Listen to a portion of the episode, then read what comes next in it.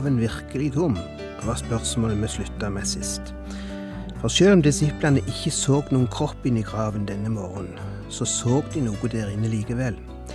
Noe høyst bemerkelsesverdig, som var begynnelsen til forandringen på deres liv. Hva var det de så?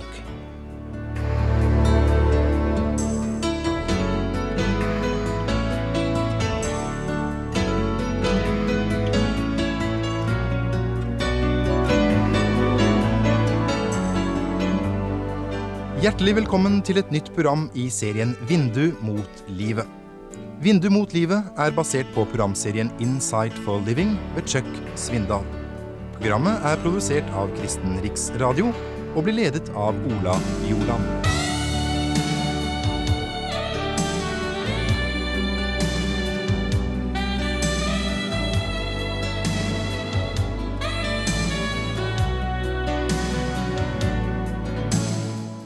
Sist gang begynte jeg på en historie om en forsker som heter Frank Morrison, som jeg ikke ble helt ferdig med.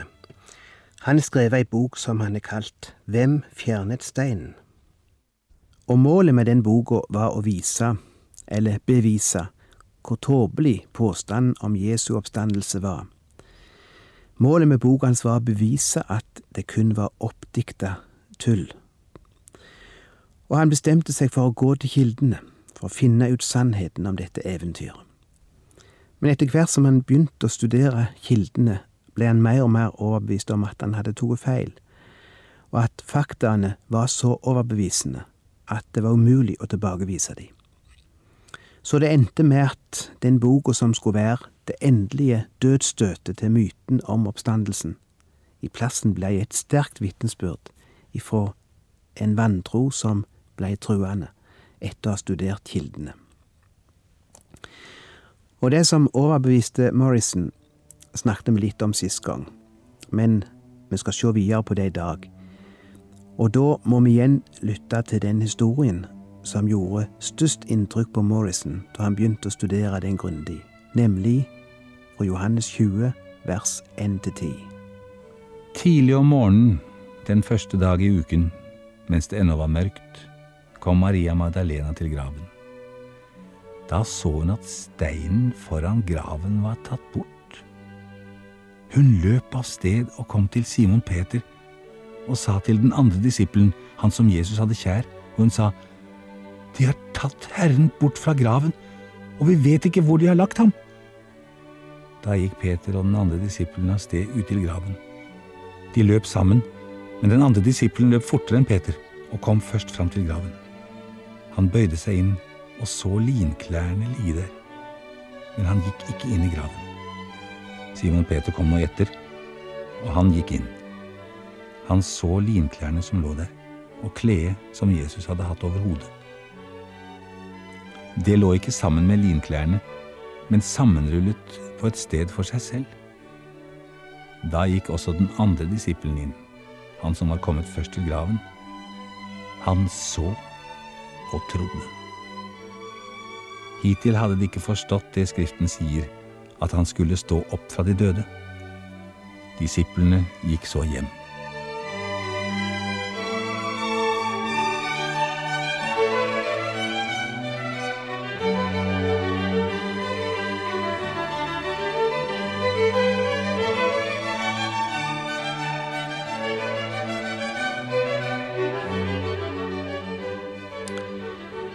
Første som gjorde inntrykk på denne Morrison som jeg fortalte om, var at ingen hadde noen gang forsøkt å fornekte dette materielle beviset om at steinen faktisk var velta bort ifra graven.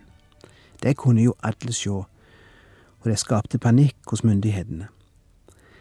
Profesjonelle soldater holdt vakt 24 timer i døgnet, og steinen var til alt overmål forsegla med et romersk seil hvilket var en statsforbrytelse å bryte opp. Men det er enda mer her. Maria gikk bort til åpningen og kikka inn i grava, og det var ingen Jesus der. Det var ikke noe lik der, det var ingen kropp. Og da var, da var det to mulige forklaringer, eller naturlige forklaringer. Enten at Jesus sine fiender hadde stjålet kroppen, Men hvorfor skulle de det? Det var jo akkurat det de ikke ville, at kroppen skulle bli borte, slik at hans tilhengere skulle få et påskudd til å tro at han var oppstått. Så den muligheten er egentlig helt utelukka. Hvis Jesu fiende hadde tatt kroppen og visste hvor den var, så kan du være sikker på at de ville ikke være seine om å bringe den til rette igjen, når ryktene begynte å svirre om at Jesus hadde stått opp ifra grava. Den andre muligheten var at hans tilhenger hadde stålet kroppen. Men òg den muligheten ble nokså snart forlatt, til og med av myndighetene. De innså at det var umulig, sjøl om de ei stund prøvde å sette ut et rykte om at det var det som hadde skjedd. De betalte soldatene for å sette ut rykter om at noen var kommet og hadde stjålet liket mens de sov, men de trodde selvsagt ikke sjøl på den historien, og ingen andre trodde på den heller. Noen har fabla om muligheten for at han bare var skinndød da de la han i grava. Men det tror jeg ikke jeg engang vil ta tid til å tilbakevise. Og da er det bare én mulighet igjen, at han var stått opp ifra de døde, ved et under, slik Bibelen forteller. Men så var det dette som disiplene så inn i grava, for den var faktisk ikke helt tom. Det var noe der inne. Og hva var det? Han så linklærne som lå der, og kledet som Jesus hadde hatt over hodet. Det lå ikke sammen med linklærne, men sammenrullet på et sted for seg selv. Folk blei begravd på en annen måte på den tida enn vi begraver folk i dag. På den tida og i den kulturen blei den døde kroppen på en måte balsamert. Han blei innhylla i et slags lintøy og blei nesten som en mumie. Slik blei kroppen såra inn, og forskjellige slags salver og urter ble smurt på kroppen, og delvis på tøyet rundt kroppen. Og etter ei stund ville dette tørke, og akkurat sånn som gips tørker, for eksempel, og det ville bli en slags hard og sprø form. Et eie stykke med lintøy blei så surra rundt hodet og rundt haga for å holde haga på plass og munnen lukka. Det er det som her refereres til som det kledet Jesus hadde hatt over hodet. Jeg vet det er litt usikkerhet omkring dette, og kanskje litt uenighet blant forskere, men det som iallfall syns sannsynlig, er at den delen av lintøyet som var såra rundt hodet, er blitt stivt etter ei stund. Og når det står her i teksten at det kledet som Jesus hadde hatt over hodet, lå ikke sammen med linklærne, men sammenrullet på et sted for seg selv, så mener noen at sammenrullet rett og slett betyr at det ikke lå der som et flatt stykke tøy, men det lå som et opprulla, fast skall, som en ball, fordi det var surra rundt et hode og hadde stivna i den, i den formen. Men nå var det ikke noe hode inni der lenger. Det var kun det tomme skallet som lå der. Et tomt skall av stivt lintøy. Og Johannes står og stirrer inn i grava. Den er tomme, men ikke heilt. Der ligger noe på gulvet der inne. Og Peter kommer òg fram til grava, og han springer rett inn i den, og de finner dette tomme skallet som en gang hadde omgitt Jesus sitt hode. Men det er ikke lenger noen kropp inni der. Det må ha vært en merkelig opplevelse. Og ordet som er brukt i teksten om at Peter så linklærne som lå der, betyr egentlig han studerte de. Det er det ordet som er brukt på gresk. Han studerte de, han granska de. Og det må ha gått mange tanker gjennom Peter sitt hode der han står.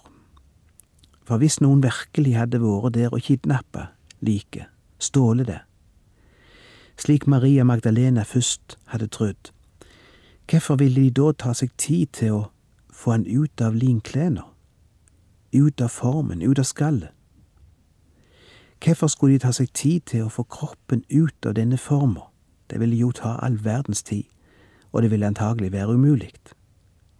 De måtte i så fall ha brekt det opp og øyelagt det. Men her lå det like heilt som et tomt skall uten noe inni. Antagelig var det så skjørt at om du tok på det og klemte litt på det, så ville det så ville det falt i sammen nokså lett som et tomt, sprøtt skall. Akkurat som da jeg var liten og lekte ute, og så hendte det jeg kom over tomme larver på veien eller på veggen i løa, eller i fjoset. Skallet etter larver som det var kommet ut sommerfugler ut av. Og når jeg tok litt på det sprøe, tomme skallet, så knakk det sammen med en gang. Jeg skal ikke engang fortelle hva jeg av og til gjorde med disse tomme larveskallene. At det hendte at jeg plasserte et av de på middagstallerkenen til søstera mi, som jeg hata den gangen. Nei, der fortalte jeg det visst likevel det som jeg ikke skulle fortelle, men du kan tro det vart ramaskrik. Men nok om det. Johannes kom òg etter hvert heilt inn i grava, og han ble stående og studere dette fenomenet. Han så og trodde, står der. Hva betyr det? Det betyr at han la sammen to og to. Han skjønte av det han så, at her er det verken snakk om kidnapping eller stjeling av noe lik. Her er det én ting som kan ha hendt. Den døde kroppen er blitt levende igjen, og Gud har lagt igjen et visittkort. Har latt disse linklærne, eller likklærne, bli liggende igjen, urørt av menneskehender, for å vise med all tydelighet her er det Gud som har vært på ferde. Her er ingen menneskehender våre. Og Johannes skjønte det tegnet, og han trodde. Peter sto fremdeles og krybla, kunne ikke fatte noen ting. Men for Johannes har det gått opp et lys. Forstår du ikke, Peter? Forstår du ikke hva som er skjedd? Det er en oppstandelse. Og etter hvert blei Peter den som talte sterkest om det som hadde skjedd, det de hadde opplevd, og som talte sterkest om denne oppstandelsen. Han ble kasta i fengsel for det, og forfulgt for det, og alskens ting vart gjort for å prøve å stoppe han, men aldri en eneste gang var det noen som kunne motbevise eller motsi vitnesbyrdet om oppstandelsen. For ingen kunne argumentere mot ei tomme grav, og mot tomme likklær mot alle de facts som var der, og alle de vitnene som etter hvert sto fram og fortalte at de hadde møtt den oppstanden. 13 forskjellige ganger og plasser i evangelien står der at Jesus viste seg for forskjellige mennesker etter oppstandelsen. Ikke som et skrømt, et slags vagt bilde av et spøkelse som svevde gjennom rommet klokken tolv om natta. Nei, som et levende menneske som sto framfor de, snakket med de, spiste av deira brød, som de fikk ta på og kjenne at det var en virkelig kropp. Paulus sier ennå til i første Korintene 15 at han viste seg for 500 mennesker på en gang. Og hvem kan da påstå at det var hallusinasjoner? Hvem vil påstå at 500 mennesker plutselig får hallusinasjoner på en gang, på samme tid? Å nei, det skal mer tru til for å fornekte oppstandelsen enn for å tru på den. Iallfall hvis du vil ta deg tid til å studere kildene og vitnesbyrdene. Eller hvis du vil ta deg tid til å studere de faktaene som vi ser i dag, òg på at Jesus virkelig må være en levende frelser. Og det var det tredje som overbeviste denne nevnte skeptikeren Morrison, nemlig de sterke vitnesbyrd ifra mennesker som fikk sine liv forandra i møte med den oppstanden. De første som fikk sine liv forandra, var disiplene. De var ikke til å kjenne igjen. De var totalt forandra. Mens de gikk sammen med Jesus de tre åra, og var sammen med han daglig, og så underne han gjorde, så han gikk på vatnet, og til og med så han vekte opp døde mennesker blant annet deres felles venn Lasarus. Mens de opplevde alt dette, så blei de ikke så veldig forandra av alt det de opplevde og så, likevel. Sjølsagt skjedde det noe med de, en gradvis erkjennelse og vekst og modning som menneske. Men det var først etter at de hadde møtt en oppstand, og etter at de var fulgt med en hellig ånd, var først da at deres liv blei så totalt forandra at vi kan ha problemer med å tro det.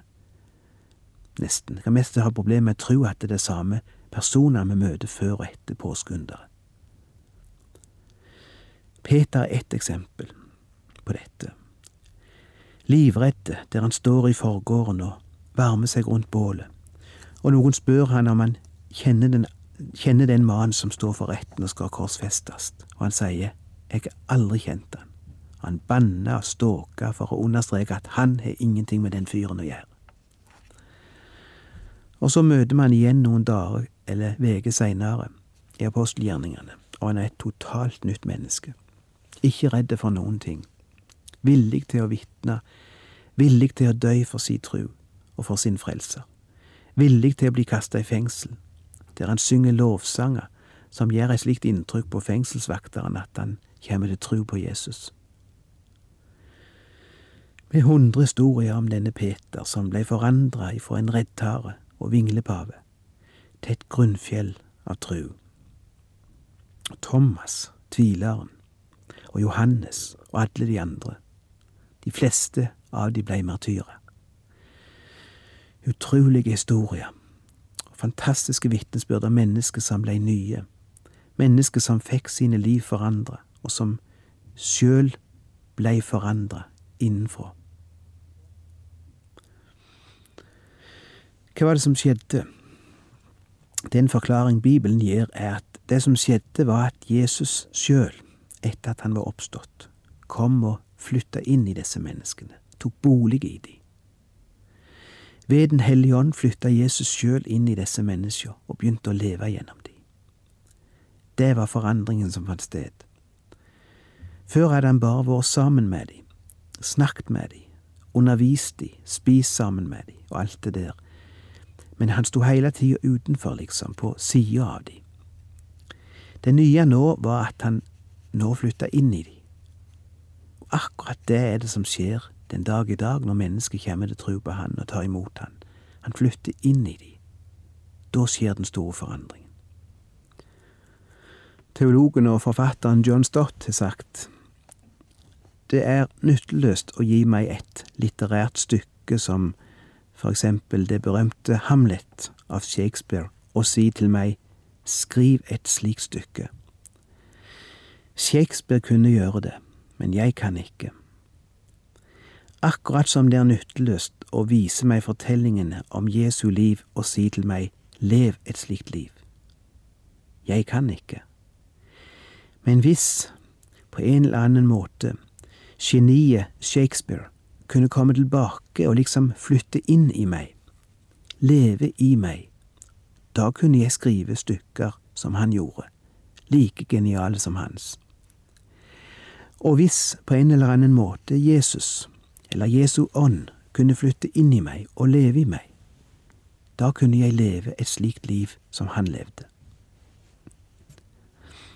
Og det er jo akkurat det det dreier seg om. Det er jo akkurat det Jesu oppstandelse dreier seg om. Han er oppstått for å flytte inn i våre liv og forandre de, og leve der. Fordi han triumferte over djevelen på korset og vant over de vonde kreftene, kan og vil han leve et nytt liv i oss, slik at vi ikke trenger legge oss, oss flate for det som vi før var styrt av. Du kan sjøl ta styringen over det som før styrte deg. Du har et liv i deg som har seira over det lave, som det står i sangen, over det vonde. Og det livet er Jesus, og han vil leve i deg. Og du er ikke lenger syndens trell, som Paulus sier det, men har mer enn seier i Han som døde og oppsto for deg. Og på toppen av alt, den døden som han vant over, skal ikke bare slutte å herske over våre liv mens vi lever, men den har også tapt den endelige kampen om oss den skal ikke få det siste ordet, sjøl om vi vet at vi må gjennom døden, at våre kropper skal sovne inn en dag, hvis ikke Jesus kommer tilbake før den dag. Så vet vi samtidig at det bare er en slags skinndød. Ja, der brukte jeg et ord som jeg faktisk ikke hadde tenkt over, men det er jo faktisk det det er. Det er en sinndød. Det er sinnet vårt som dør, kroppen vår som dør. Ikke vi, det er ikke jeg, sier Paulus. Jeg skal leve, for jeg er gått over for døden til livet. Skinnet skal visne og dø, for ei stund, en slags søvn, men jeg, min personlighet, min sjel, skal aldri i evighet dø, men leve, sjøl om skallet eller kroppen eller skinnet dør. Dette er veldige ting. Det er et fenomenalt håp for den som klarer å gripe det. Og det er dette håpet som gjør au livet så mye annerledes. Det er litt av en kontrast til mennesker som lever uten håp. Hør på noen av de, hva de har å si om livet etter døden. Jeg mener disse som lever uten håp. Hør hva de sier. En av de er Ernest Hemingway, en verdenskjent dikter som begikk selvmord i 1961. Hør hva han skriver. Der er ingen lindring eller tilflukt for meg i livet. Døden er det eneste virkelige i mitt liv. Jeg lever i et vakuum som er så ensomt som en radio med døde batterier, og det er ingen kontakt eller plugg som jeg kan plugges til. Eller forfatteren O'Neill, som blant annet vant Nobels litteraturpris i 1936, og mange andre priser. Han skriver Livets eneste mening for meg er døden så jeg ser fram til den med godt mot. Døden kommer som et varmt teppe på en kald, kald natt. Eller Will Durand fra Colombia. Det er ingenting som er sikkert i livet, annet enn nederlag, død, fortvilelse, en søvn som det ikke ser ut som en noen gang vil våkne opp av igjen. Tro og håp forsvinner, tvil og fortvilelse er min dagsorden. Det er umulig å gi livet noen mening mer. To uker etter at han uttalte disse ordene, døde han. Men hva sier Bibelen? La oss avslutte med Paulus sitt testamente i Romerbrevet 8, vers 38-39. For jeg er viss på at verken død eller liv, verken engler eller krefter, verken det som nå er eller det som kommer, eller noen makt, verken det som er i det høye eller i det dype, eller noen annen skapning skal kunne skille oss fra Guds kjærlighet i Kristus Jesus, vår Herre.